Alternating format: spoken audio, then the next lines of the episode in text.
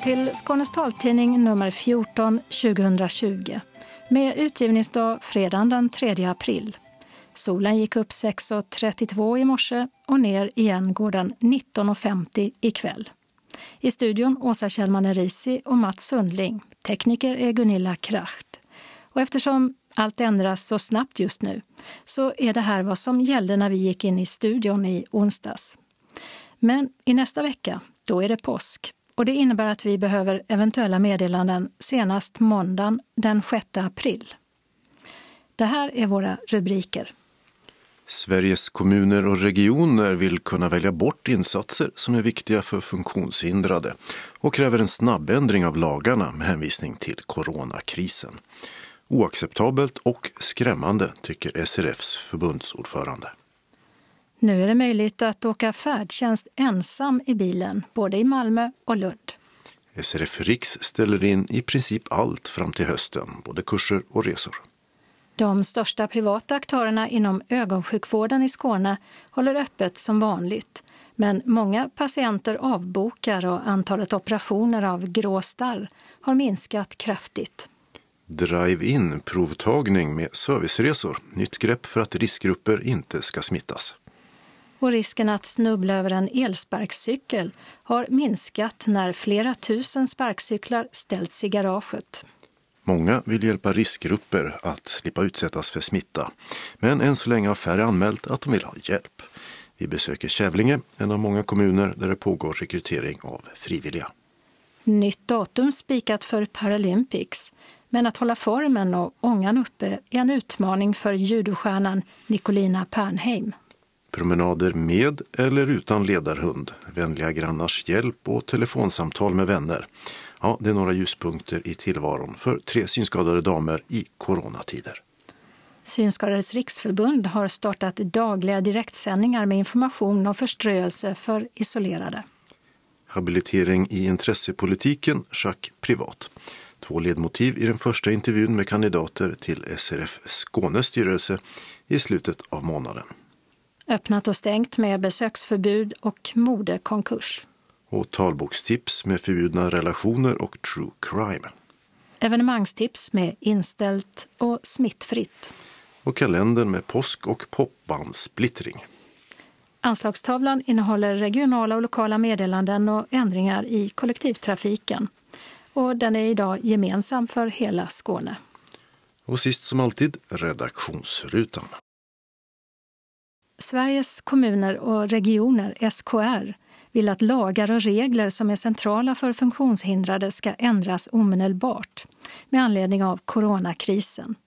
I förra veckan så krävde de i en så kallad hemställan till regeringen att kommunerna ska få rätt att prioritera vem som ska ha vilken insats och mellan målgrupperna. Något de enligt socialtjänstlagen och LSS idag inte får göra. Det skulle ge kommunerna rätt att också neka redan beslutade insatser om de bedömer att behovet är större på annat håll. Till exempel vill de, om personalen inte räcker till, kunna tvinga någon med mycket hemtjänst eller assistans in på ett boende. Och på sådana vill SKR också ha rätt att införa besöksförbud, något Socialstyrelsen nyligen ifrågasatt lagligheten i. Samtidigt vill SKR slippa tillsyn om detta från IVO, Inspektionen för vård och omsorg, och eventuella straffavgifter för vad man gjort och inte gjort under pandemin. Samt som det heter fördröja, ändra eller riva upp beslut om till exempel hemtjänst, assistans och ledsagning. Håkan Thomsson är förbundsordförande för Synskadades riksförbund. Nej, det är ju helt oacceptabelt om man har fått rätt till ledsagning eller hemtjänst, då är det självklart att man ska få de tjänsterna utförda också. Det är helt oacceptabelt att kommunerna själva ska få välja om de ska genomföra det eller inte, utan det sätter vi oss helt emot. Idag så kan ju kommuner inte prioritera bland eh, socialtjänstlagsinsatser till exempel, eller LSS. Det är bara att genomföra det. Men nu vill de ha mer som i sjukvården, att de själva ska kunna prioritera efter resurser och behov som det heter. Vad ser du för risk med att en sån regeländring blir till stånd? Ja, det är ju skrämmande och de kommer ju inte då förmodligen att prioritera synskadade särskilt högt. Det ser vi ju redan när man söker de här insatserna som synskadad så har man ju stora problem att få dem. Kommunerna yrkar ju ofta avslag och sen så får man gå till domstol för att få sin rätt. Så att de skulle kunna göra en korrekt prioritering i det här sammanhanget tror jag inte ett ögonblick på. I den här situationen med coronavirus och allt så är ju synskadade extra utsatta och att man då inte ska få den ledsagning man har rätt till och inte få den eh, hjälp i hemmet man har rätt till, det, det, det kan vi aldrig acceptera. På vilket sätt är synskadade extra utsatta menar du? Det vet vi ju att eh, rehabiliteringen är ju eftersatt på många sätt och vis och eh, det är massor med kommuner där det inte finns syn och hörselinstruktörer och det innebär ju att synskadade inte har fått eh, möjlighet att leva de självständiga liv som man skulle kunna ha gjort med rätt samhällsinsatser. Och nu ska man då straffas genom att inte ens få det personliga stöd och den personliga service som man då istället har rätt till. Så att då blir man ju väldigt satt på undantag. Och motiveringen bakom de här förslagen är ju coronakrisen förstås. Hur ser du på det? Är det inte rätt att hänsyn ja, till det? Men man kan väl säga så här att eh, coronakrisen eh, förstärker ju synskadades behov och Eh, Eh, då är ju inte lösningen att ta bort service utan snarare att skjuta till extra service. Och vi ser ju redan att de avvecklingar som samhället har infört eller begränsningar att de har lett till ökad arbetslöshet och så, så att, att det inte skulle kunna finnas personer som skulle kunna utföra det här, det verkar ju helt osannolikt. De här kommunala friheterna då som är föreslagna från SKR, eh, det vill de att det ska ske att det ska ske omedelbart och att det ska vara tillfälligt under den här coronakrisen. Eh, hur tillfälligt blir det tror du? Finns det en risk för att det kan bli följdverkningar på längre sikt också? Ja, alltså inför man det här så riskerar det ju att skapa eh, väldigt tragiska situationer för många synskadade om det ska vara i några månader eller flera år, det är svårt att säga. Coronaviruset påstår ju forskarna i alla fall kommer att finnas i det svenska samhället många år framöver. Så att eh, tillfälliga insatser är svårt att säga hur tillfälliga de blir. Det sa Håkan Thomsson, förbundsordförande för Synskadades riksförbund. Reporter var Mats Sundling. I både Malmö och Lund ska man nu kunna åka färdtjänst ensam i bilen. I Malmö finns möjligheten under hela dagen i mån av tillgängliga fordon medan man i Lund begränsar ensamåkandet till vissa tider. Andreas Schönström är socialdemokratiskt kommunalråd i Malmö. Det har beslutats att eh, passagerare hädanefter ska åka ensamma. Och det är givetvis i mån av plats, för det är ju så, ringer många samtidigt så kan det vara svårt att få fram alla bilar samtidigt. Men huvudprincipen är att passagerare ska åka ensamma i färdtjänstbilarna. Och varför har ni tagit det här beslutet nu? Det har kommit rekommendationer från Smittskydd Skåne som eh, rekommenderar just det här att man inte ska ha samåkning i färdtjänsten. Det är ofta riskgrupper som använder eh, färdtjänsten dagligen och därför eh, har de då lagt den här rekommendationen att bara tillåta ensamåkning. Finns det tider när det är så mycket folk som vill åka att det är svårt att få en ensambil? Vill man få tag i en ensambil lättare så ska man absolut höra av sig mitt på dagen. Då åker färre människor än vad det gör under rusningstid. Men huvudrekommendationen från oss är givetvis att tillhör man någon av riskgrupperna, stanna hemma. Färdtjänst i absolut sista hand om det är ärende som du måste göra till antingen eh, sjukvården eller om du behöver handla hem mat. Men annars är huvudrekommendationen stanna hemma. Och det här beslutet som man fattat i Malmö gäller fram till den 8 maj i första hand, men det kan förlängas om det skulle behövas.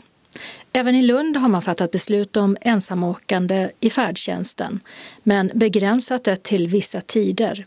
Per Tranström är färdtjänstchef där. Det har vi gjort för att i de här tiderna är folk oroliga att åka tillsammans med andra.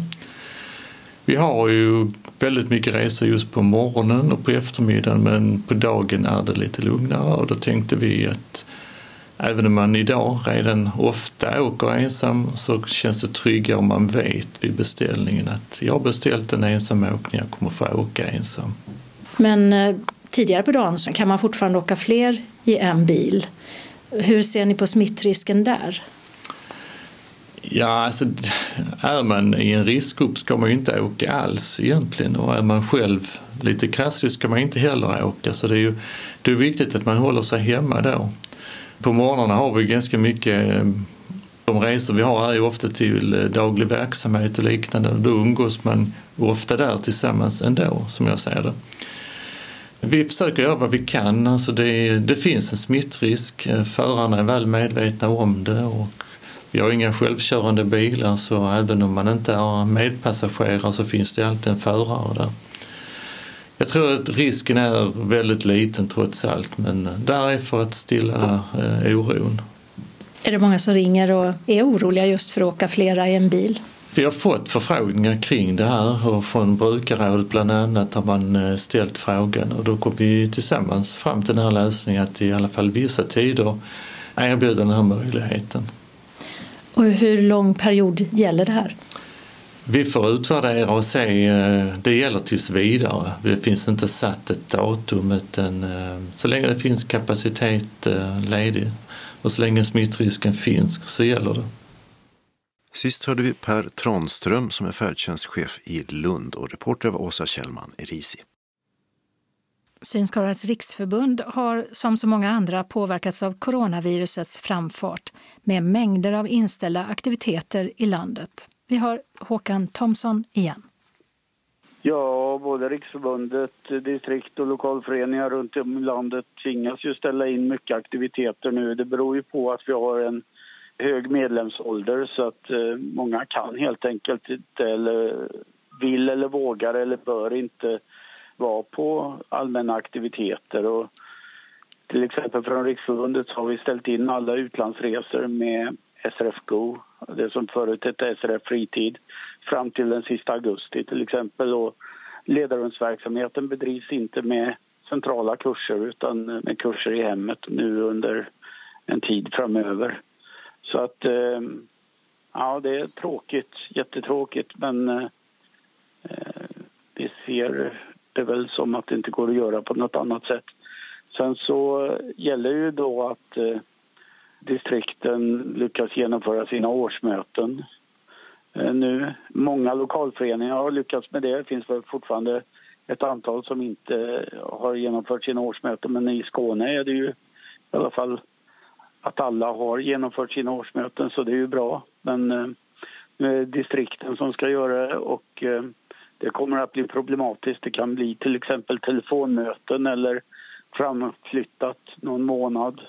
Inget av det är bra egentligen men eh, vi tror ju ändå från Riksförbundet att det är bättre att man genomför sina årsmöten än, än att man inte gör det. Och därför har vi sagt att även om det inte sker helt stadgenligt så har vi förtroende för att distrikten kan organisera detta på ett så bra sätt som möjligt under rådande förhållanden. Förbundet självt har ju en kongress i oktober i höst. Kommer den att bli av? Jag hoppas det, men eh, vi får väl vänta och se om distrikten lyckas genomföra sina årsmöten så man kan välja ombud och så. Vi har ett organisationsråd inbokat den 11 juni så där kommer det väl att fattas beslut om vad som ska hända med kongressen. Men huvudlinjen är att den ska genomföras som planerat. Det sa Håkan Thomsson, förbundsordförande för SRF. Mats Sundling intervjuade. De största aktörerna inom den privata ögonsjukvården håller än så länge i alla fall öppet som vanligt. Vi ska börja hos Aleris som har mindre mottagningar på flera platser i Skåne och en närmast fullskalig ögonsjukvård i Ängelholm där antalet operationer av grå starr minskat kraftigt, mycket på grund av avbokningar. Chef för Aleris ögonverksamhet i Skåne är Ida Anker. Personalen som har varit borta har ungefär motsvarat patientbortfallet. Vi har haft patienter som har varit sjuka också. Personalen som är på plats har mycket att göra men vi har öppet som vanligt. Vi har fått otroligt mycket frågor, särskilt från 70-plussare. Det är vår största patientgrupp som ringer och är oroliga hur de ska göra. Och så får de själv ta ställning till om de vill komma. Men det är svårt för oss att avgöra med tanke på deras syn hur viktigt det är att komma. Det vet vi oftast inte för de har varit hos oss och vi har mätt och sett hur läget är. Men det vi gör är att vi har inte så mycket folk som sitter i samma väntrum och sen har vi då skärpt eh, hygien och städrutiner. Ida Ankare säger att patienter med förkylningssymptom inte tas emot precis som överallt på mottagningar och det händer att man blir hemskickad utan att ha blivit insläppt på mottagningen. Men får Aleris också in fler patienter nu när Region Skåne dragit ner på delar av ögonsjukvården? Det får vi faktiskt inte. Vi hade väldigt mycket patienter tidigare när vi har märkt av att något sjukhus saknat personal.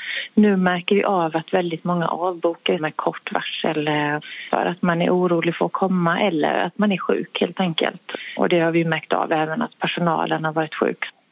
Hur är det, finns eh, all materiel ni behöver för att utföra det ni ska? Ja, vi har det som vi behöver och eh, vi har stängt ner bland annat plastikkliniker och annat som inte känns relevant att hålla på med idag. Då får vi material som vi därifrån flyttar till andra ställen. Men än så länge så, eh, så har, vi, eh, har vi det material, skyddsmaterial vi behöver.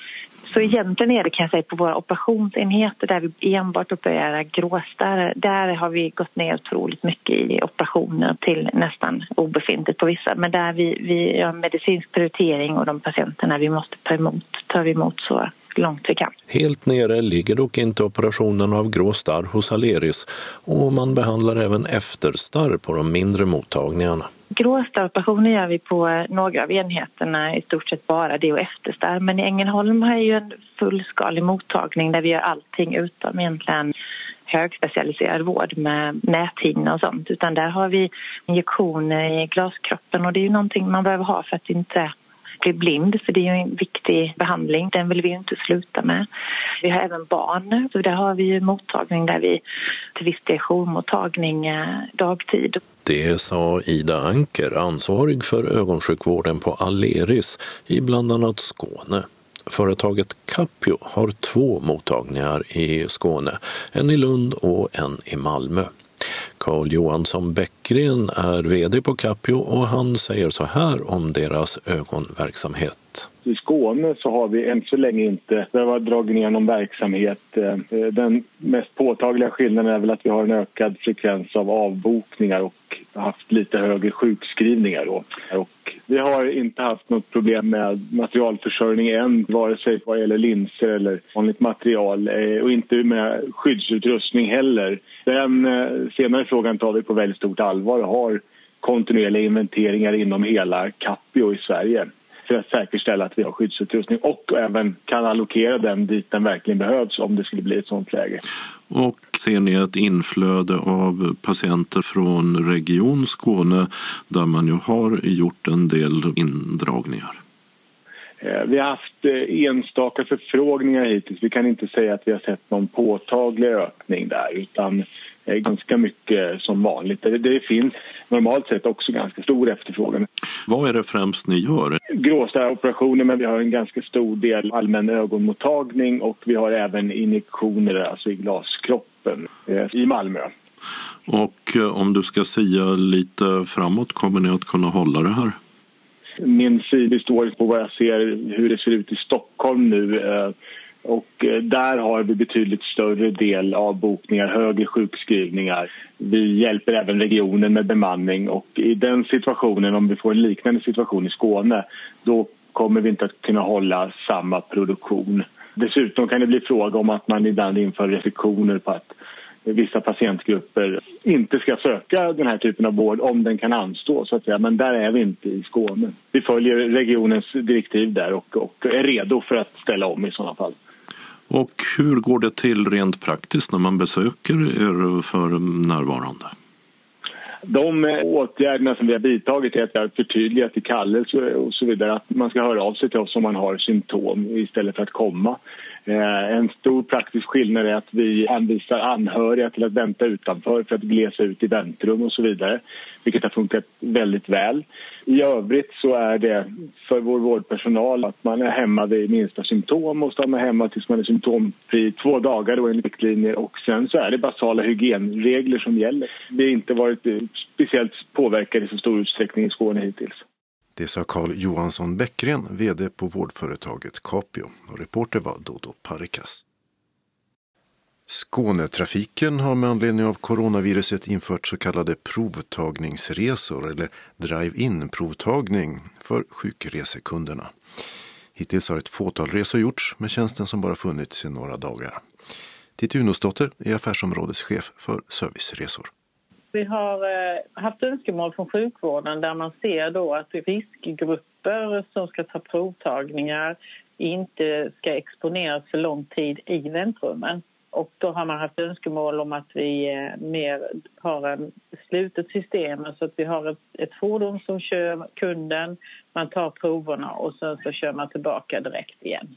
Och vad kan det vara för provtagning till exempel? Alltså, det är alltid vården som ordinerar och eh, det kan vara eh, ja, det mesta. Så jag kan säga så att vi ordnar resor men vi har inte lagt oss i riktigt vad för prover de tar. Det kan vara eh, provtagningar för att konstatera virus.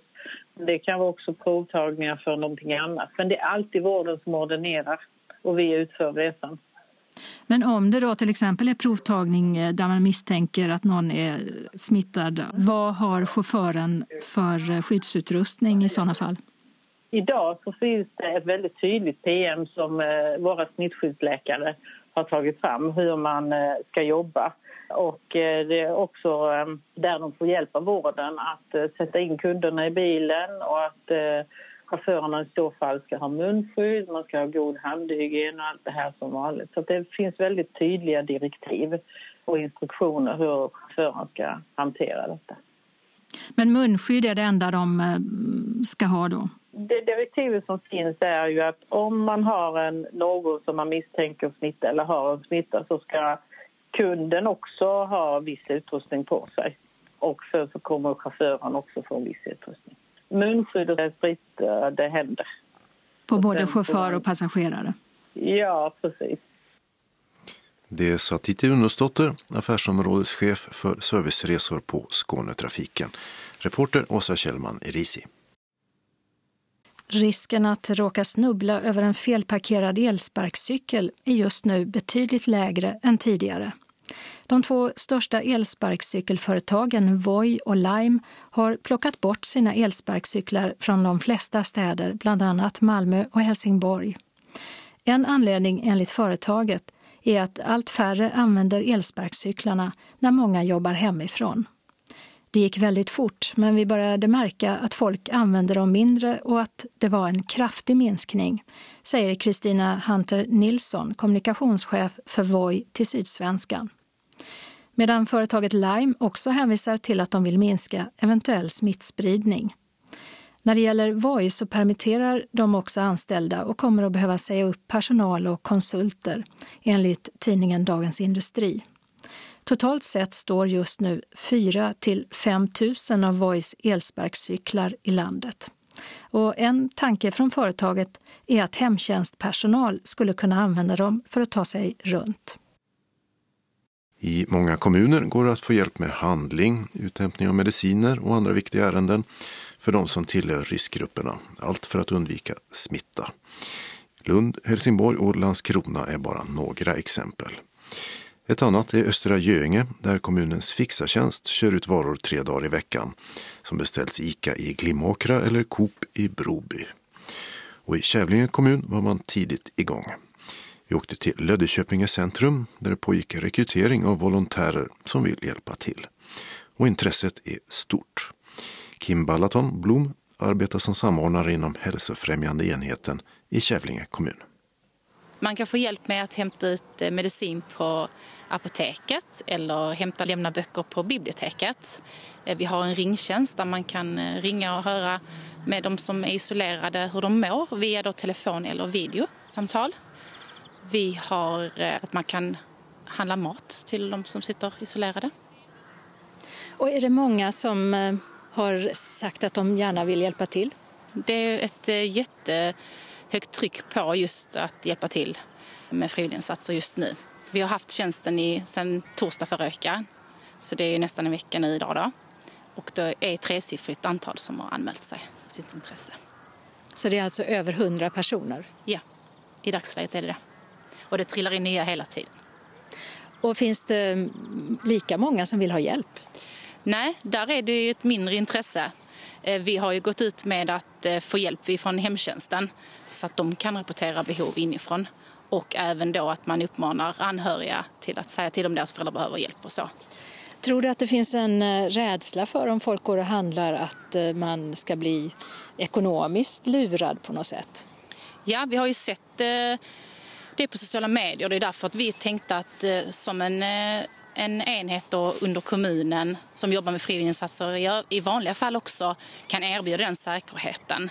Att eh, vi kollar upp legitimation. De får en speciell legitimation av oss som de visar upp till mottagaren när de ska göra en tjänst och även mottagaren får den via mail, eh, den bilden sen tidigare så den är medveten om vem som kommer hem till dem. Och det blir en viss trygghet där. Och vi har ju kontaktuppgifter och kan veta vem som matchar och att den personen är där och så. Och hur gör ni då för att minimera att någon ska råka smitta någon annan?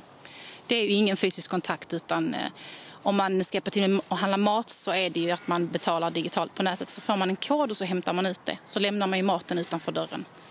Så att eh, där minimerar vi risken. Och vem är det som är intresserad av att hjälpa till? Det är verkligen alla. Eh, vi ser ju långt ner i åldrarna nu jämfört med vad vi har sedan tidigare. Vi har ju så små som 15 år som har skrivit att de är, kanske har undervisning på distans och har lite tid över och kan hjälpa till med sådana saker. Och alla är välkomna eller? Alla är välkomna. Vi har inte haft den frågan tidigare under 18 år utan vi har främst haft seniorer som har varit eh, frivilliga. Så vi tog beslut om att eftersom det inte innebär någon kontanthantering utan bara så får de lov att göra det. Men vi gör ju varje bedömning utifrån matchningen. Vad man är lämplig för och så. Och hur känns det att jobba med det här idag? Det är jättekul framförallt att möta liksom eh, allas engagemang och att de verkligen vill hjälpa till den här krisen. Det är ju eh, din namnunderskrift där, e-post, telefonnummer, mm. adress. Och sen kommer jag skriva under den också. Och sen mm. kommer vi lägga den i en specialbehörighetsmapp. Mitt emot biblioteket i Löddeköpinge centrum sitter Kim Balaton Blom och hennes två kollegor med skrivbord som står uppställda med stora mellanrum. På varje bord står också en flaska med handsprit och nya pennor finns för varje volontär som kommer hit och ska skriva på avtal och bli fotograferade för att så småningom få en egen legitimation som de kan använda som volontärer. Och en av dem som kommit för att skriva in sig som volontär är Lotta Nilsson. Och vi går utomhus för att göra en intervju. Det passar väldigt bra för mig när det gäller timing. Just nu så har jag avslutat ett arbete och kommer börja ett annat eh, om en månad drygt. Och tänker att under den här perioden om det behövs så är det ju en enkel sak för mig att göra. Och varför känns det viktigt att göra det? Det känns ganska givet att i en sån här situation får man göra det som, som hjälper bäst. Och kan det här hjälpa någon så känns det ju bara bra. Jag kan inte se någon, något skäl till att inte göra det. Jag har jobbat som ung i hemtjänst och annat och tyckte det var väldigt givande. Så att, eh, mm. Har du själv äldre släktingar i eh, kommunen? Eh, inte i kommunen, men i kringliggande kommuner har jag både en, en mamma och en pappa och eh, en mormor faktiskt som eh, tillhör de allra äldsta. Och får de eh, hjälp? Mina föräldrar har väl svårt att inse att de tillhör den gruppen som kanske inte ska gå ut. Jag tror det är lika för många. Min mormor får vi se till att hon får hjälp, ja. Vad är det du kan tänka dig att hjälpa till med? Eh, jag har nog kryssat i alla rutor som fanns förutom att gå ut med, med husdjur. Jag tål inte pälsdjur och tyckte att det finns många andra som är bra på det. Skulle det knipa kan jag göra det också. Men det handlar ju om ja, det är ju matinköp, eh, sociala kontakter, hjälp med, med ärenden och annat.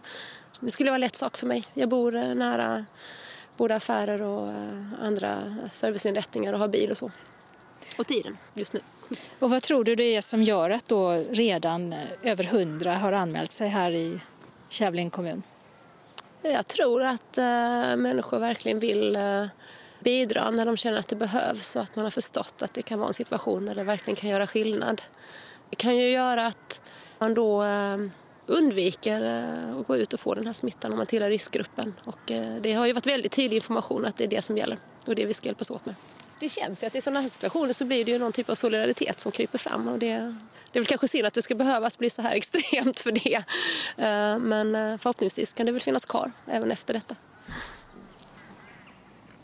Det sa Lotta Nilsson, en av kring 130 frivilliga som hittills anmält sig som volontärer i Kävlinge. Och för de som tillhör någon riskgrupp och vill ha hjälp i Kävlinge kommun så kan man anmäla sig på telefon 046 280 41 27. Bor man i någon annan kommun och är intresserad av liknande verksamheter så är det bra att veta att många kommuner har information på sina hemsidor om hur det kan gå till där. Man kan förstås också ringa till kommunens växel och fråga. I till exempel Lund har kommunen fått in flera hundra volontärer som anmält sig. Men betydligt färre som sagt att de vill ha hjälp än så länge. Reporter var Åsa Kjellman Erisi. Nu har det spikats när Paralympics i Tokyo ska äga rum. I förra veckan kom ju beskedet att både OS och Paralympics flyttas fram på grund av coronapandemin. Och nu har arrangörerna bestämt datumen. Spelen skjuts fram nästan exakt ett år och Paralympics 2020 ska nu börja den 24 augusti 2021. En som påverkas mycket av det är Nicolina Pernheim från Göteborg som tillhör världseliten i synskadejudo och som var på god väg mot sitt fjärde Paralympics i sommar. Alltså först kom ju beskedet om att det skulle skjutas upp och det tyckte jag var jättejobbigt. Det är klart att jag förstod det och jag, det gör jag fortfarande naturligtvis förstår jag varför man måste göra det men det var ju väldigt, väldigt tufft ändå. Sen så var det skönt att få beskedet om när det skulle skjutas upp till. För då har jag ändå ett datum att förhålla mig till på ett sätt. Ja, du ja. lägger inte av i förtvivlan och vredesmod utan fortsätter satsa mot ditt fjärde Paralympics blir det då? Ja, det blir det. Eh, jo, men jag, jag fortsätter. Det är klart att det inte är... Det är inte som eh, min plan var, men jag får väl göra det bästa av det och satsa ett år till. Då. Du låg bra till för att få komma till ditt fjärde Paralympics också, om mm. jag förstod det rätt. Är du klar? Ja, det beror på lite hur man ser det. Officiellt sett är jag väl inte klar, men om man tittar på poängen på världsrankingen så är jag, då är jag klar. Så jag ligger fyra just nu och det är de tio bästa som kommer med. Men sen vet jag inte då. Om jag lyckas hålla mig på topp fyra så blir jag sidad och det är det absolut bästa eftersom att jag kanske slipper att möta det tuffaste motståndet första matchen. Men det, det, vet man ju aldrig liksom ändå hur det blir. Men eh, att komma till Paralympic, det, det kommer gå bra. Blir det några tävlingar överhuvudtaget nu framöver? Finns det något att se fram emot?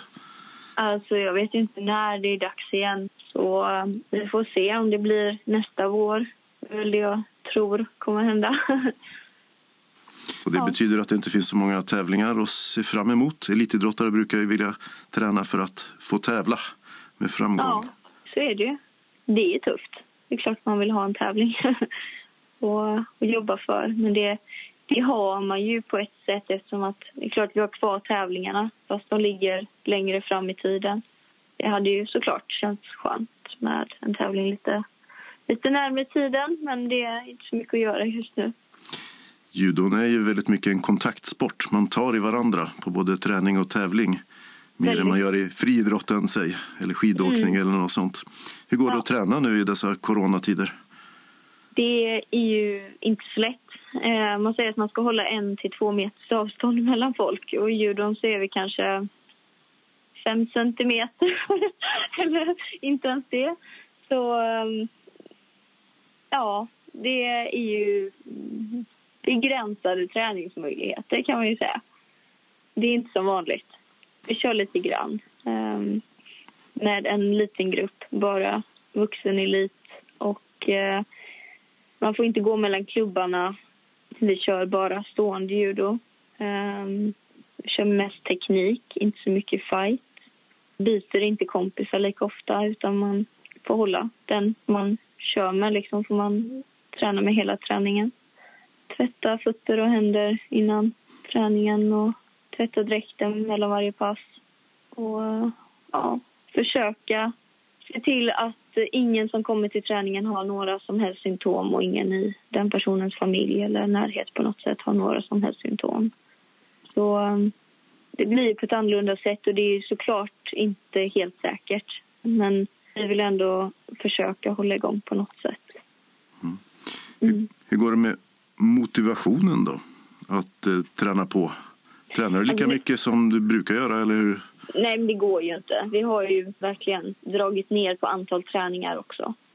Och just nu handlar det om att bara hålla sig någorlunda i form och så frisk det bara går. Så att man kan ta tag i allting när det är dags och allt har lugnat ner sig lite. Mm. Ja. Vad gör du med all tid som du får över nu då? Jag försöker sätta, ja, plugga bättre och förhoppningsvis få jättebra studieresultat eftersom att jag har tid för det. Det sa Nicolina Pernheim, bästa blinda judokan i världen i sin viktklass. Studierna som nu får mer tid är en mastersutbildning i synpedagogik och synrehabilitering. Och till Parasportgalan i måndags var hon, liksom golbollspelaren Fatmir Saremeti, nominerad till årets förebild. Nicolina som motorn i svensk parajudo. Men de blev snuvade på priset av bordtennisstjärnan Anna-Karin Ahlqvist. Den enda synskadeidrottaren som fick ett pris var skidåkaren Sebastian Modin. Han utsågs till årets manliga idrottare inom parasporten.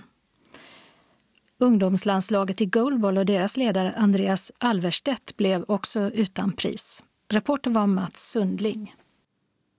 Promenader med eller utan ledarhund för att komma ut, telefonsamtal och sociala medier för samvaro och koll på egna och närståendes hostor och snuvor. Ja, det är några knep tre synskadade damer i Skåne använder sig av i dessa coronatider. Vi börjar med Birgitta Bo. Jag står på eh, Maxis parkering i Bromölla.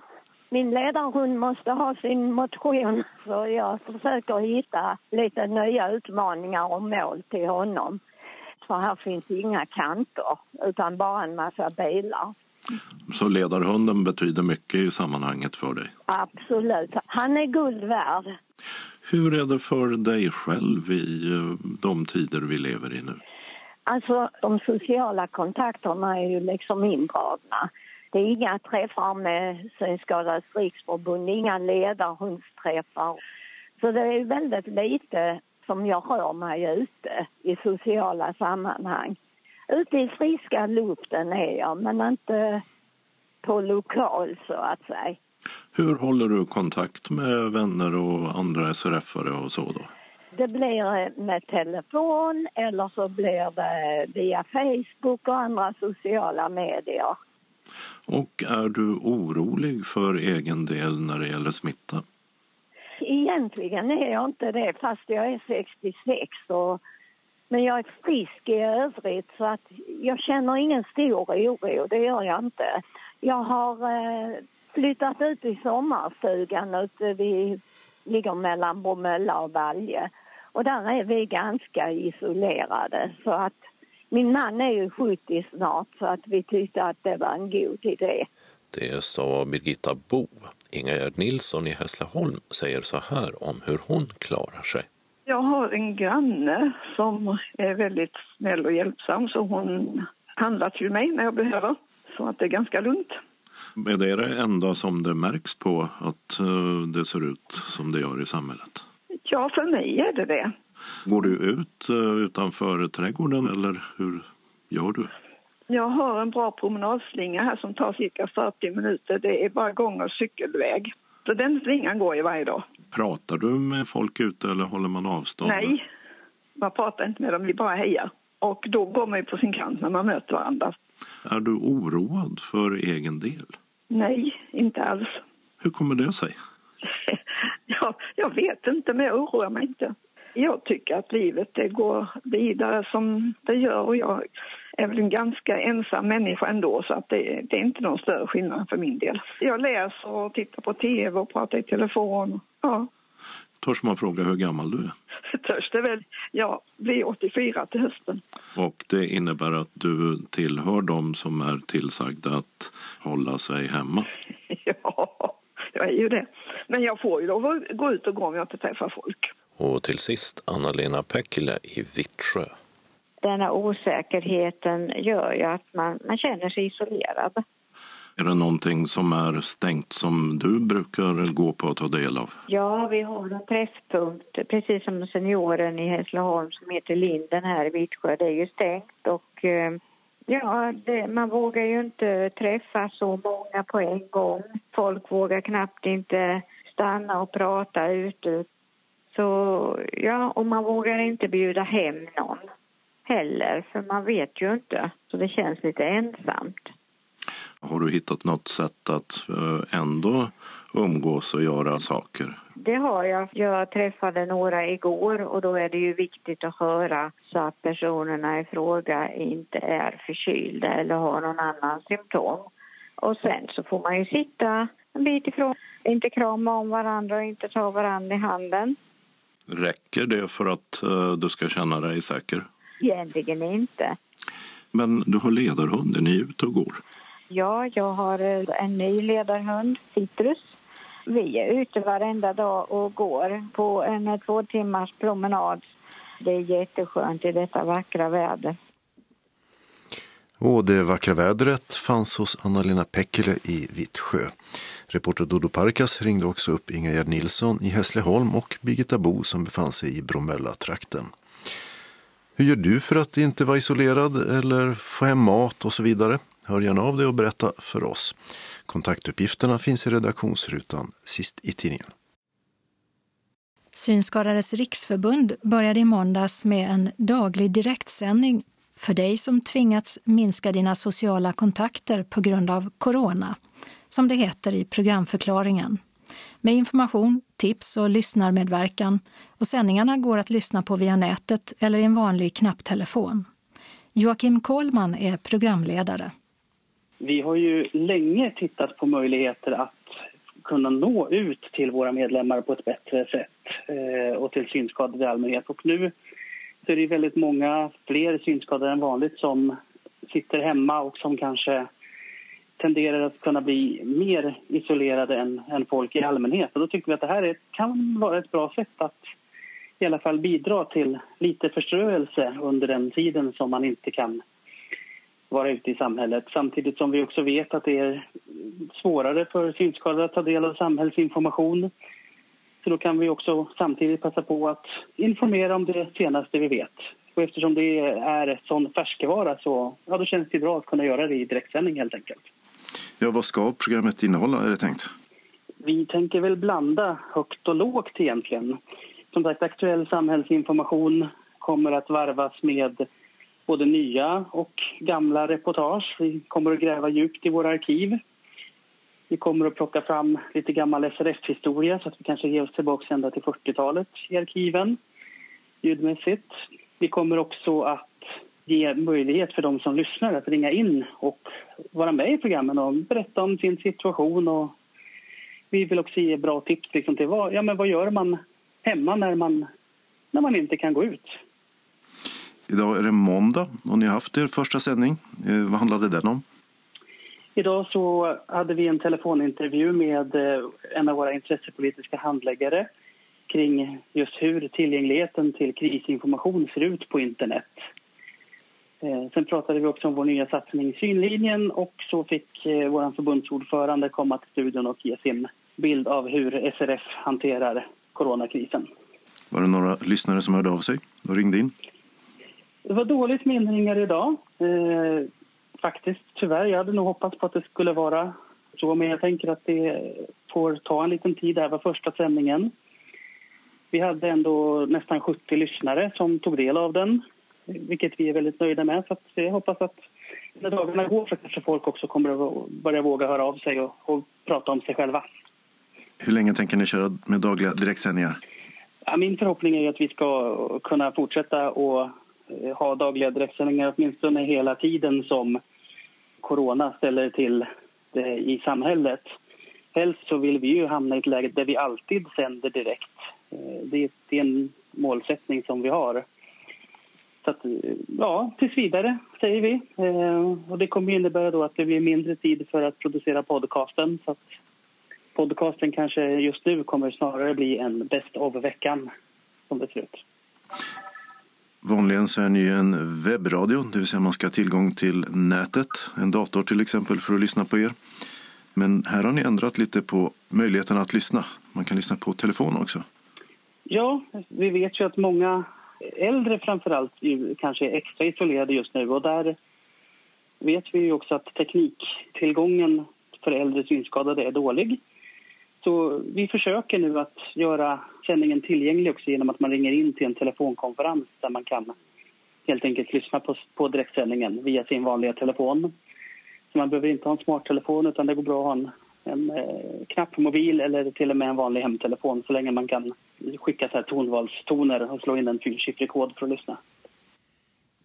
Det sa Joakim Kohlman, programledare för Radio SRF och deras nya dagliga direktsändningar. Hur man lyssnar på dem hör du mer om i evenemangstipsen längre fram i veckans tidning. Mats Sundling intervjuade. Den 25 april har SRF Skåne årsmöte och då inte i Hässleholm som planerat utan via telefon. Och under årsmötet så ska det väljas folk till styrelsen. Och här i Skånes taltidning ska vi nu träffa kandidaterna. Först ut idag är Per-Arne Andersson av valberedningen föreslagen till omval. Han sitter också med i SRF Ängelholm Båstads styrelse, så Malmöbo han är. Och det är habilitering och rehabilitering som ligger honom varmast om hjärtat. Jag vill ju gärna se till så att vi får en rehabilitering värd namnet, vilket vi inte har idag. Och hur ska det ske rent konkret? Dels måste vi försöka få en bättre kontakt med Region Skåne och kanske på en lite högre nivå. Och sen får vi kanske börja tänka nytt. Det finns en motion som ska upp på vårt årsmöte och sen vidare till kongressen där man har funderingar på att göra rehabilitering i egen regi. Det kanske är det som behövs för att det ska börja fungera. Och det här innebär att uh, du är inne på samma linje som uh, ni har varit ett tag nu, att regionen i era ögon inte sköter sig när det gäller rehabilitering och på vilket sätt i så fall? Till exempel så skickar de inget folk till synkurserna på Glimåker därför att de tycker att det man kan lära sig på Glimåker det kan de lära ut själva, vilket ju inte vi riktigt tycker att de kan. Och detta att ni skulle göra det själva, kommer SRF att gå i land med det som regionen Synenheten i era ögon inte gör? Alltså det den här motionen går ut på det är ju att vi ska på riksdagen göra en utredning om det är möjligt att göra det här och vi har sagt ifrån Skånes sida eftersom motionen kommer från oss att vi är beredda att stå till rådighet när det gäller utredningen men även när det gäller om vi nu kommer så långt att vi skapar någon typ av rehabiliteringsenhet som då får patienter till exempel ifrån vårdcentraler och sånt. Och där vill du vara en av de drivande. Vad är det du duktig på när det gäller att driva den här typen av frågor? Jag har ju en ganska lång erfarenhet. Jag har ju trots allt varit aktiv inom SRF mer eller mindre sen eh, slutet på 70-talet. Jag har ju varit i kontakt med rehabiliteringsinstanser både i Skåne men även på andra håll i landet. Så jag har en erfarenhet som jag tror kan vara till nytta. Kan du visa konkret att det finns saker du har arbetat med där ni har sett resultat av liknande kaliber som är på förslag här? Det kan jag väl nog inte för att det här är ju någonting helt nytt. Men om du ska beskriva din styrka mer än i erfarenheten? Erfarenheten i kombination med att jag har eh, sysslat med kontakter med myndigheter gör ju att jag vet ju ungefär hur de tänker och hur de borde tänka för att det skulle bli rätt. Du kan myndigheternas sätt att agera och vara på. Det tycker jag man kan säga. Mm. Du är aktiv i SRF Skånes styrelse men eh, sen en tid tillbaka så har du en styrelsepost i andra änden av Skåne. Vad är detta? Det var så här att man hade problem i SRF Ängelholm Båstad och då bad man mig och eh, en person till att träda in i styrelsen för att försöka få styrelsen att fungera och det är alltså inte någonting som kommer att vara permanent utan jag är vald nu på ett år, likadant ordföranden är vald på ett år. Jag hoppas vi under den tiden ska, ska kunna få igång styrelsen så att den fungerar som en styrelse bör fungera. Tror du att det här är någonting som man kommer att se mer av i Skåne? Att eh, ni centralt är tvungna att gå in på lokalplanet för att eh, rädda upp situationer? Jag vet inte om man just kan säga det, men jag tror däremot att vi kommer att se mer av att lokalföreningar går ihop. Och jag tror vi kommer att hamna i en situation där vi kommer att få kanske fyra, fem stora föreningar. Men eh, samtidigt att vi kommer att ha någon typ av aktivitetskommittéer i de gamla lokalföreningarna som kan bedriva verksamhet. Men vi ser ju att problemet är att hitta folk till styrelser. Men funkar det? Alltså om du kommer, eller nu är ni två, men jag frågar dig, om du kommer in från centralt håll eller från sidan så att säga in på en plats ganska långt ifrån där du själv rör dig. Är du bra på att gå in i en sån situation tycker du? Ja, alltså det jag kan tillföra det är ju, är ju återigen min erfarenhet. Att jobba i en styrelse att se till att det fungerar, att man behandlar varandra på ett bra sätt och att man får gjort det som måste göras. Det är det vi kan hjälpa till med. Hur blir du mottagen, tycker du?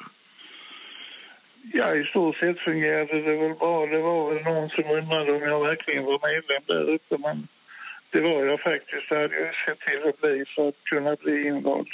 Men annars så tycker jag det har fungerat bra.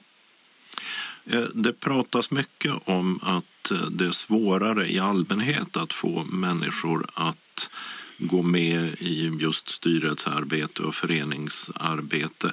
Varför är det viktigt, tycker du, att människor engagerar sig? Ja, det är ju viktigt för att föreningarna ska kunna fortleva.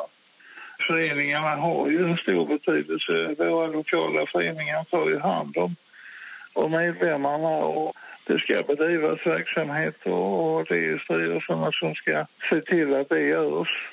Därför är det viktigt att folk engagerar sig så att föreningarna kan fortsätta och utvecklas. Det var föreningsarbetet och vad du vill göra där. Spelar du fortfarande schack? Jajamensan, det gör jag. Hur mycket då? Ja, just nu är det inte någonting alls. Jag skulle egentligen varit uppe i Stockholm för förra helgen och spelat SM, men det blev vinst. Och likadant den lilla turneringen vi har haft i Malmö, den har vi fått pausa eftersom vi inte kan vara på kansliet. Men annars så spelar jag när jag, de stora turneringarna när jag hinner. Det sa Per-Arne Andersson, en av valberedningens kandidater till en fortsatt post i SRF Skånes styrelse. Reporter var Dodo Parikas och i kommande nummer fortsätter vi att intervjua kandidater. Öppnat och stängt. I hela landet så är det nu besöksförbud på alla äldreboenden. Det har regeringen beslutat. Även tidigare så hade de flesta äldreboenden i Skåne besöksförbud medan ett fåtal kommuner avrådde från besök. Men från den 1 april så råder nu alltså nationellt besöksförbud på alla äldreboenden för att förhindra sjukdomen covid-19. I Malmö håller Form och Design Center vid Lilla Torg stängt åtminstone till och med den 13 april. Och det gäller också utställningen med taktila modeller av Malmöbyggnader som vi berättat om tidigare. I Vä kommer fiket Töserna Andersson inte att öppna igen och inventarierna har redan sålts på loppis. Modekedjan Flash har gått i konkurs och de har stängt sina många butiker runt om i Skåne. Men konkursförvaltaren förbereder en utförsäljning av kläderna i början av nästa vecka. I Hörvik i Bromöllatrakten har Fiskerians lunchservering öppnat med ny ägare. Talbokstipsen från i mars kommer denna gång något senare på grund av det intensiva nyhetsläget. Men för alla som kanske är mycket inomhus nu kommer här tre olika tips på intressanta talböcker. Och den här gången från Helsingborgs stadsbibliotek för första gången på länge. Bibliotekarie My Sörensson har valt ut sina bästa tips just nu. Mitt första tips är romanen Violet och Rut av Karin Alfredsson. Den här boken eh, utspelar sig i Västerbottens inland i början av 50-talet. Och vi får lära känna Violet som är en ganska ung kvinna eh, som ska börja jobba som lärarinna i en liten by. Och eh, Violet står för eh, lite mer modernt eh, synsätt. Hon tror till exempel inte på att slå barnen och hon låter dem också läsa Kalle Anka när de är klara med sina uppgifter. Och I den här byn så är pingstkyrkan väldigt dominerande så att Violets sätt och undervisa och vara mot barnen är, är ju ganska normbrytande och väcker ganska starka känslor både från föräldrar och från kyrka. Sen är det så här att en dag så börjar det en ny postfröken i byn och hon heter Rut. Och hon lever också själv, precis som Violet. Violet har ju länge känt sig ensam men hon har aldrig längtat efter äktenskap och nu har hon plötsligt en annan kvinna i sin närhet som lever på samma sätt och som hon kan spegla sig i. Violet och Rut de börjar umgås och långsamt växer känslor fram mellan dem, förbjudna känslor. Rut är lite äldre och lite mer mogen och hon tar det hela med ro. Men Violet hon tappar fotfästet totalt. Hon har ju varit den lite vilda, normbrytande men nu så överväldigas hon av skam och skuldkänslor inför vad hon känner. Och det hela ställs på sin spets och Violet måste ta beslutet att fly från byn eller stanna och våga vara sann mot sig själv. Det låter som en väldigt spännande bok. Det är en spännande bok, men jag skulle absolut inte säga att det är en direkt spänningsroman utan snarare en roman som på ett lite lågmält och eh, även delvis lite lättsamt och humoristiskt liksom, beskriver tillvaron i den här byn på 50-talet och naturligtvis också den här kärleksrelationen som växer fram mellan Violet och Rut. Det är också lite kul att det kommer en uppföljare till den som har getts ut i år som heter Roger och Rebecka. Så historien om Violet och Rut kommer att leva vidare. Det är en talbok med text Inläsare är Åke Lindgren och boken är 8 timmar och 31 minuter lång. Och den gavs ut 2018. Och sen har du ett eh, andra tips. Vad, vad, är det för en bok? Då har jag en, eh, en svensk true crime-historia från 2019 eh, som heter På osannolika skäl och är skriven av journalisten Hannes Dyckler. Och det här true crime, vad är det? Ja, true crime kan man ju översätta som liksom verkligt brott eller brott från verkligheten. Så det här är ju en, en, en bok som skildrar ett, ett verkligt fall. Det här har hänt på riktigt. Den här boken handlar om ett fall som har fått stor uppmärksamhet i medierna, framförallt för några år sedan. Och I den här boken så får vi träffa Agneta och Ingemar som lever ett aktivt liv som pensionärer på sin gård i Småland. De har precis skaffat en hund och njuter av långa promenader. Och sen är det en helt vanlig kväll. Agneta bestämmer sig för att ta ut deras fortfarande ganska unga hund på en promenad i skogen och Ingemar han ska ta åkgräsklipparen och fixa till lite på tomten. Sen ska de träffas hemma och titta på något sportprogram och käka middag. Ingemar han fixar klart det han ska göra, han går in, han lagar mat, sätter sig ner och väntar på Agneta. Men Agneta kommer inte tillbaka. Efter många, många timmars oroligt ringande till vänner och bekanta som inte har sett Agneta så bestämmer sig Ingemar för att gå ut och leta efter henne själv. Och han hittar Agneta död invid en sjö som ligger i närheten av deras bostad. Och Ingemar han häktas för det här mordet omedelbart och även när han släpps ganska snart därefter så fortsätter han att vara huvudmisstänkt för sin hustrus död. Det polisen tror är att Ingemar har dödat Agneta med åkgräsklipparen och sedan släpat ner kroppen till sjön. Och Ingemar är ju helt förtvivlad och vill ju naturligtvis att polisen ska lägga fokus på någon annan än honom. Han menar att jag är helt oskyldig och den verkliga mördaren går ju fri där ute. Men det är inte så lätt. Och det tar eh, hela 15 månader innan man kan konstatera att Agneta har ju inte dödats av sin man utan av en älg. Och nu har då den här journalisten som jag nämnde, Hannes Dyckler, tillsammans med Ingemar skrivit den här boken om fallet och utredningen. Och det är en ganska lättläst men gripande berättelse där man får följa med utredningsarbetet och man förstår hur långsamt de här kvarnarna mals och naturligtvis också Ingemars förtvivlan under de här långa, långa månaderna där han fortsätter vara misstänkt för att ha dödat sin egen fru. Inläsare är också Åke Lindgren på den här boken faktiskt. Och den är 8 timmar och 45 minuter lång och den kom ut 2019. Och sen har du ett eh, tredje tips som kom ut i år. Den senaste boken av Jeanette Winterson som heter Frankies Stein. Det är också en roman och den eh, har ju naturligtvis en stark koppling till klassikern Frankenstein av Mary Shelley. Det här är en väldigt fascinerande och annorlunda roman.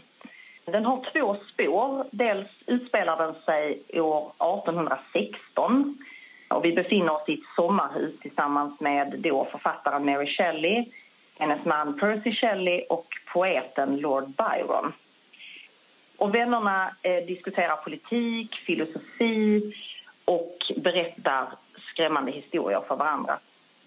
Men förutom det så är detta tiden då berättelsen om Frankenstein tar form i Mary Shelleys huvud. Sen har romanen ett annat spår och då befinner vi oss i en förmodad nutid. Och här får vi följa med transsexuella läkaren Rye Shelley.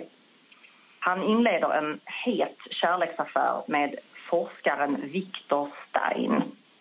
Det är en väldigt erotisk och spännande relation men den leder också Rye in på mörka vägar för det visar sig att Viktors forskning handlar om mycket mer mörka saker än vad han hade kunnat föreställa sig.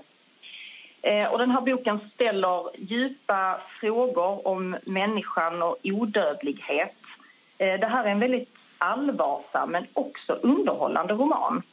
Winterson hon lyckas, tycker jag, på ett smart sätt att väva samman dåtid med nutid hon skapar en mångbottnad och queer roman om artificiell intelligens, om livet och döden. Det låter väldigt mycket både nutid och äldre tid. Alltså den spänner över ett väldigt stort spann. Absolut, verkligen. Det är väldigt roligt att, eh, att hon har grabbat tag i en sån här gammal klassiker och lyckats göra en samtida roman om det ämnet. Den är under produktion, så i nuläget finns inga uppgifter om inläsare eller hur lång den är. Men den förväntas bli klar i april. Det sa My Sörensson, ny talbokstipsare och bibliotekarie på Helsingborgs stadsbibliotek. Och böckerna hon tipsade om var Karin Alfredssons Violet och Rut, en roman med Åke Lindgren som inläsare och den finns som talbok med text. Och så Hannes Dyklers På osannolika skäl, en biografi inläst av Åke Lindgren. Talbok med text den också. Och så Jeanette Wintersons Frankenstein, en roman som är under produktion än så länge. Evenemangstips. Och vi börjar med att konstatera att regeringen nu förbjudit sammankomster med fler än 50 deltagare. Så alla evenemang som är större än så och såklart även de vi tipsat om tidigare påverkas av det. Och många evenemang är inställda eller flyttade och har man köpt biljett eller planerar att gå på något så rekommenderar vi starkt att höra med arrangören om vad som gäller. Ett stort antal arrangörer har pausat sin verksamhet eller starkt begränsat den. Och här nämner vi några av de större och några evenemang som ju faktiskt blir av. Popstjärnan Molly Sandén skulle ha koncentrerat på Helsingborg Arena den 4 april. Konserten som kallas Molly Sandén, stark och svag och allting däremellan, är framflyttad till den 2 oktober. Live Nation har biljetterna. Och när det gäller en annan av satsningarna på Helsingborg Arena, musikalen Chess som skulle ha spelats i juni och juli, så gäller det att alla de föreställningarna är inställda. Malmö Opera ställer in alla föreställningar resten av vårsäsongen. Men istället kommer de att via sin hemsida malmöopera.se och Facebook att lägga upp musik. Varje dag läggs ett uppträdande upp klockan 12. Dessutom finns den senaste lördagens allsång med Rickard Söderberg på samma ställen. Stängningen av Operan innebär dock att förutom de vanliga föreställningarna i huset så kommer även återstående delar av turnén med rockmusikalen Hedvig and the Angry Inch runt om i Skåne att ställas in. Biljettköparna får ett presentkort på summan de bokat för som Operan skickar ut efter hand. Och eftersom biljettkassan är hårt belastad så kan kortet dröja ett tag, uppger Operan. Malmö stadsteater kommer inte att spela alls till och med den 30 april. Och hur det blir sen vet man inte än. All publik som har biljetter till något av de inställda evenemangen kommer att kontaktas av arrangören. Stadsteatern planerar också att filma sin föreställning om Molières Tartuffe och lägga ut den på sin hemsida malmostadsteater.se. Föreställningen Halva månen av Roland Schimmelfennig som är inplanerad på Intima nivåer hoppas man fortfarande kunna ha premiär på i slutet av maj. Helsingborgs stadsteater har ställt in sina föreställningar och byter, löser in eller erbjuder biljetter till en kommande föreställning med tillgodokvitto om man så önskar. De som är prenumeranter på Helsingborgs Dagblad kan via HDs hemsida dagligen ta del av uppläsningar av Helsingborgs stadsteaters skådespelare som framför sina favoritmonologer och berättar om dem. En ny monolog varje dag. Kulturcentralen som främst säljer biljetter till evenemang i Malmö återköper köpta vårbiljetter men säljer redan nu biljetter till en del konserter och andra uppträdanden i höst. Erik Gadds konsert på Palladium den 2 oktober klockan 19 finns det bara ströplatser till men de kostar 395 kronor.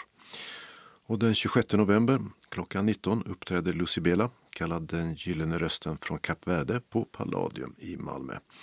Den konserten är framflyttad från nu i vår och köpt biljett gäller då. Skillinge teater på Österlen har pausat sin vanliga verksamhet i vår och sommar. Men istället har de börjat med vad de kallar smittskyddskultur på sin innergård nämligen fem gratis och smittfria utomhusevenemang. Dit är alla välkomna oavsett ålder. Eget fika uppmuntras så man slipper köa för det och den som känner sig minsta sjuk får stanna hemma. Evenemangen är fem lördagar med start klockan 11 och bara 45 minuter långa så att man inte ska behöva besöka toaletterna. Den 11 april blir det blues och dikt med Jalle Olsson och Nils Peder Holm. Den 2 maj kreativt skrivande med författaren Karin Eberhardt Grönvall. Den 16 maj sångworkshop med körledaren Sara Dahl. 30 maj målarworkshop med konstnären Jette Nordström. Och slutligen den 13 juni line dancing med Österlens line dancing klubb. Föranmälan är obligatorisk, helst via en länk som den som prenumererar på vårt nöjesmail kan klicka på. Nöjesmail kan man få genom att höra av sig till redaktionen. Och teatern den når man på telefon 079 07300 24. E-post info skillingeteater.se. Och adressen är Möllevångsgatan 9 i Skillinge. Radio SRF har som nämndes tidigare i tidningen börjat sända direkt för alla synskadade, medlemmar som inte medlemmar, en vecka varje vardag. Mellan klockan 10 och 11 måndag till fredag är utlovat information, intervjuer och tips på saker man kan göra hemma, spel och liknande, varvat med musik. Man kan lyssna på webben genom att gå in på radio.srf.nu och där välja spelare. Eller det nya då alltså, lyssna via telefon med tonval. Smartphone behövs alltså inte. Genom att ringa telefon 08 120 490 20 och sen ange koden 6978 fyrkant. Ringer man det numret kan man bara lyssna på direktsändningen medan den pågår. Man kommer inte att kunna delta i programmet den vägen. Vill man å andra sidan vara med och berätta om sin situation så ringer man studion på ett annat nummer. 08-39 92 40. Och det numret kan man också ringa andra tider och prata in ett meddelande på telefonsvararen.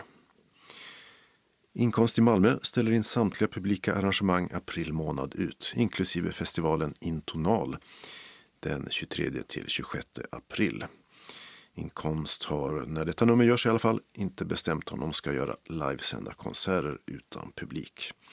Alla köpta biljetter kommer att återbetalas via Tixter. Kalendern Vecka 15 är också påskveckan och börjar med måndag den 6 april då Wilhelm och William har namnsdag.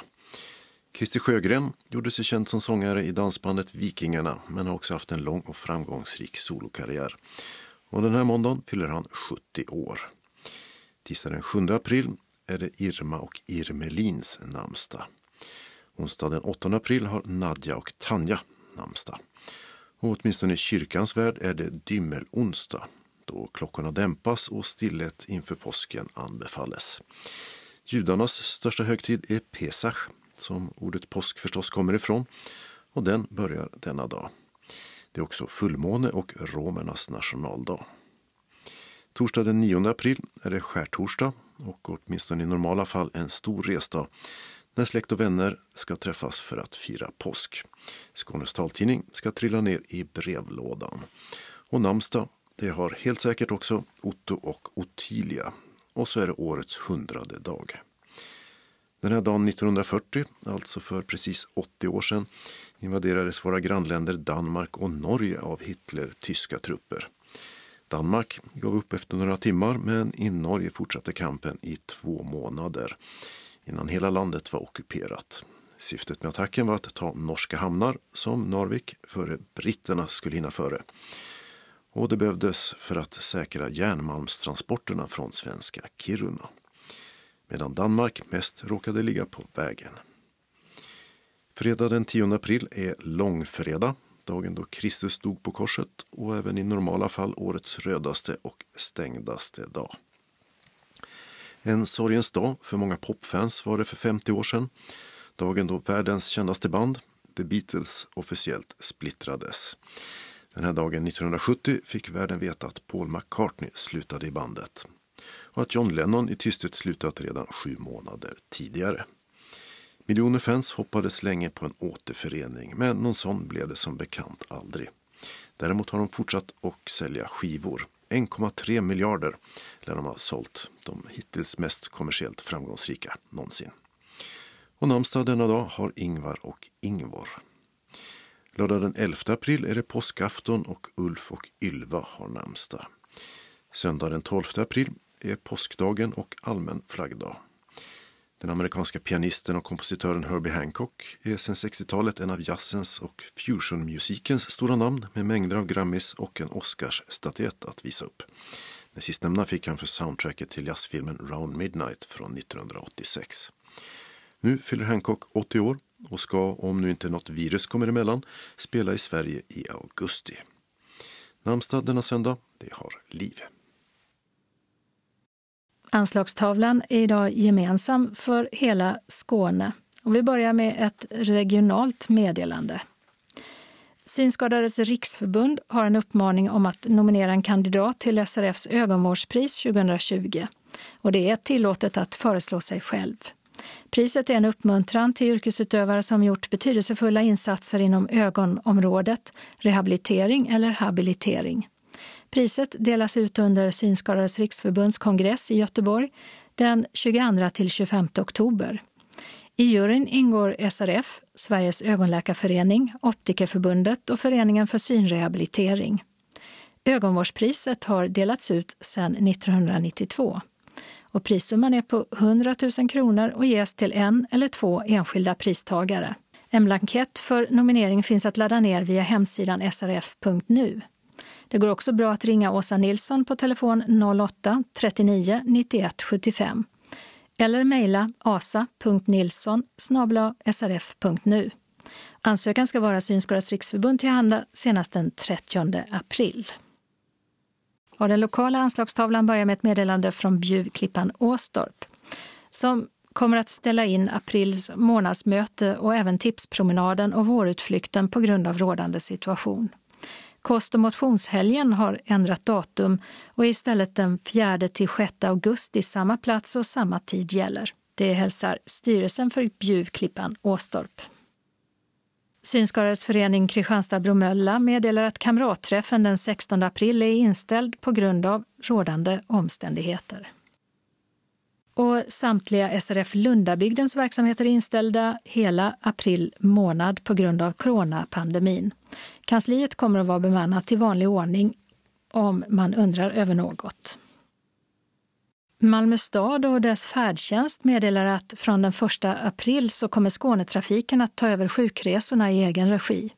Det betyder att du som ska beställa en sjukresa ska ringa direkt till Skånetrafikens beställningscentral på telefonnummer 0771 77 44 11. Under en övergångsperiod så kommer det att gå att ringa till Malmö stads beställningscentral för sjukresor på 040 34 55 20 som tidigare. Då vidarekopplas samtalen direkt till Skånetrafiken. Och Synskadades förening SRF Trelleborg med omnejd där har styrelsen tagit beslut om att den planerade aktiviteten i april är inställd. Vi har några ändringar i kollektivtrafiken. Först gäller det Öresundstågen till Köpenhamn där man nu satt in något fler tåg. Nu går det två tåg i timmen på vardagar under rusningstrafik på begäran av danska myndigheter mot tidigare bara ett. Men fortfarande gäller att man måste ha särskilda skäl för att få komma in i Danmark. En ändring i busstrafiken i Malmö och Sallerupsvägen så. På grund av ett vägarbete så måste hållplatsen Älstorp läge B stängas från den 6 april klockan 7 till den 11 maj klockan sju då också. Och istället får resenärerna ta hållplatsen Katrinelund läge A en bit framåt i bussens färdriktning. Och det här påverkar stadsbuss 6 och regionbussarna 33 och 142. Och så avslutar vi med några tillfälliga ändringar i busstrafiken i Helsingborg som berör stadsbuss 7 från idag fredag fram till den 30 april. På grund av ett vägarbete vid korsningen Jönköpingsgatan och Sofiebergsvägen så stängs vissa vägar av för trafik. Och några hållplatser stängs. Hållplatsen Ystadvägen A och B, alltså i bägge riktningar, stängs och istället finns det en tillfällig hållplats cirka 70 meter norr om den befintliga. Hållplatsen Grännagatan A stängs och här får man ta sig till en tillfällig hållplats cirka 140 meter framåt i bussens färdriktning. Och hållplatsen Grännagatan B, alltså åt andra hållet, ersätts av en tillfällig hållplats cirka 70 meter bakåt i bussens färdriktning.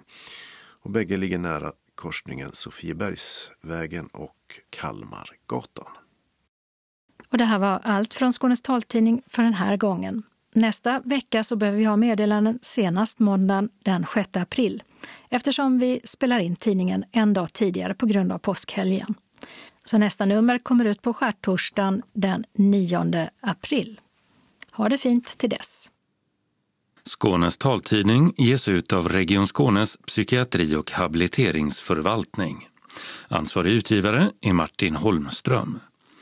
Postadress Jörgen Ankersgatan 12, 211 45 Malmö.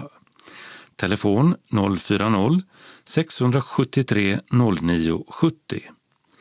E-post Skanes taltidning snabela skane.se och hemsida skanestaltidning.se.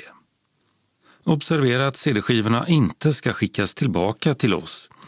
Såväl skivor som kuvert kan läggas i brännbara sopor när ni inte längre vill ha dem. Vi hörs igen. Hej då!